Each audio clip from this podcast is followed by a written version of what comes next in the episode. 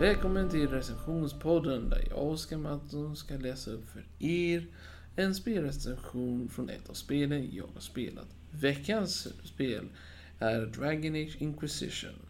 Detta spel är uppföljare till Dragon Age-serien och är den tredje i serien. Detta spel utspelar sig efter Dragon Age 2 och Dragon Age Origins. Till skillnad från föregångna spelet Dragon Age 2 som var lite av en nedgång. Vilket betyder mer eller mindre att eftersom att spelet var inte helt färdigt och snabbt tryckt ut så var Dragon Age 2 mycket negativ. Till skillnad från det så är Origin mycket mer sofistikerad men Inquisition försöker vara en blandning av bägge två. Det vill säga spelstilen från tvåan, storymässigt från ettan. Spelet är också baserat mycket mer på ja, unika platser, vilket gjorde så att spelet kändes ännu större än det egentligen är. Storyn är häpnadsväckande, roande och otrolig och driver en till att vilja fortsätta med att komma vidare. På detta viset så gjorde de ett slags bytesystem, en eh, ja, val som man kan kalla det. Som till exempel att det finns ett, en förgrening utav storyn som i sin tur delas upp i två delar. Som ett exempel Templar eller Mages. Templars är ju en linje och Mages en annan linje. På detta viset så får du ett val som gör så att spelet känns nytt varenda gång du spelar. Beroende på vad du väljer. Man kan ju ta det också som ett annat exempel. Du hjälper en person som har hästar eller du hjälper honom inte. Du hjälpte honom, du får hästar. Du hjälpte honom inte. Du mer eller mindre fattas hästar i din armé. Och platsen har blivit erövrad av fienden som i sin tur utnyttjar det för att få egna hästar. Ja, det lät ju inte så smart, eller hur? Låta det hända, men ni förstår. Eh, hela storyn utspelar sig med en varelse, en ondska som är långt innan Origins.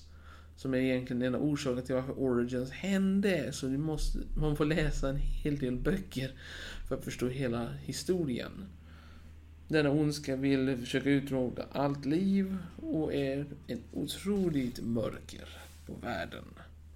Din hjälte eller din karaktär är också skapad på nytt, vilket är ganska imponerande jämfört med första, förra spelet. Eftersom att i förra spelet spelade du Hawk och före det spelet spelade du en karaktär som du skapade bakgrundsstoryn på. Denna karaktären har en liten bakgrundsstory, men är ämnad för att vara du som bestämmer hur han blir.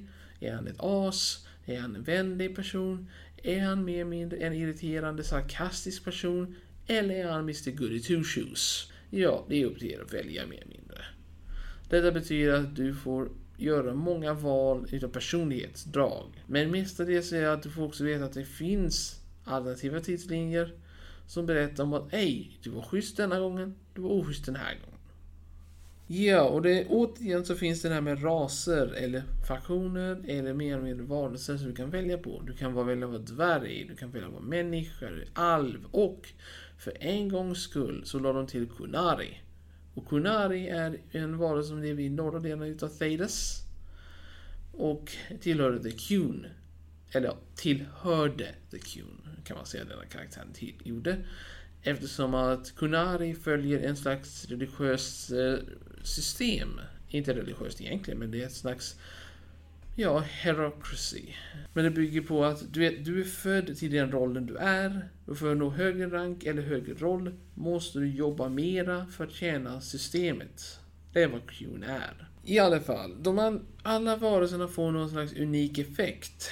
Dessa effekter är baserade på din personlighet, din karaktär och vad, du har, vad den här karaktären kan klara av. Exempel nummer ett. Dvärgar kan inte magi, men är resistenta mot magi. Detta gör så att de kan jobba med magiska material som är farligt för alla som kan magi. De går bärsärk och börjar döda sig själva och andra runt sig. Tills det inte finns någon kvar, i det fallet dör de sig själva. Så därför fick dvärgarna detta jobbet för de är resistenta mot magi-effekter. Alver får en range, range buff. Denna range buff gör så att de tål ja, bågskyttar, armborstmän, långdistansskjutande vapen, alla sådana saker gör de mindre. Pilbåge inkluderad dock. Kunari får senare en annan effekt som är mer eller mindre baserad på, ja, mili. Det vill säga närstridsattacker gör nästan ingen skada. Du känner inte så mycket skada av det. Ja, det är ganska intressant. Människor dock får en gratis extra buff stat. Riktigt bra. Det ska buff stat är inte mycket att hoppa för. Det betyder bara att du får en extra ability poäng. Och den ability poäng kan du använda till vad du vill vid level 1. Om du sen respekterar eller något liknande eller omställer dig själv har du tillbaka denna lilla punkt i alla fall extra. Detta gör så att du kan ha många mer abilities än du ska egentligen ha med en. Så människor är lite overpowered på detta viset. Eller överdrivet kraftfulla. I alla fall, spelet är också ganska, ja, långt. Till skillnad från de andra spelen. Och innehåller inte en, och inte två, men upp till fyra DLC om man inte räknar pre-order DLC-erna. Men just nu så har de ändrat det till Game of the Year Edition. Detta betyder att du innehåller allt innehåll. Som till exempel, ja, Armored DLC eller nedladdningsbart material som vi kan kalla det, men vi kan förkorta det till DLC, så ni förstår vad jag menar. Dessa innehåller till exempel två stycken Armor Packs, två expansioner, en preorder DLC, nej, två, eller var det tre DLC som innehöll med eh, preorder. På detta vis får du alltid tillgång eftersom att det är ju ett paketpris. Detta är enastående tycker jag och jag hoppas att ni hittar glädje med det.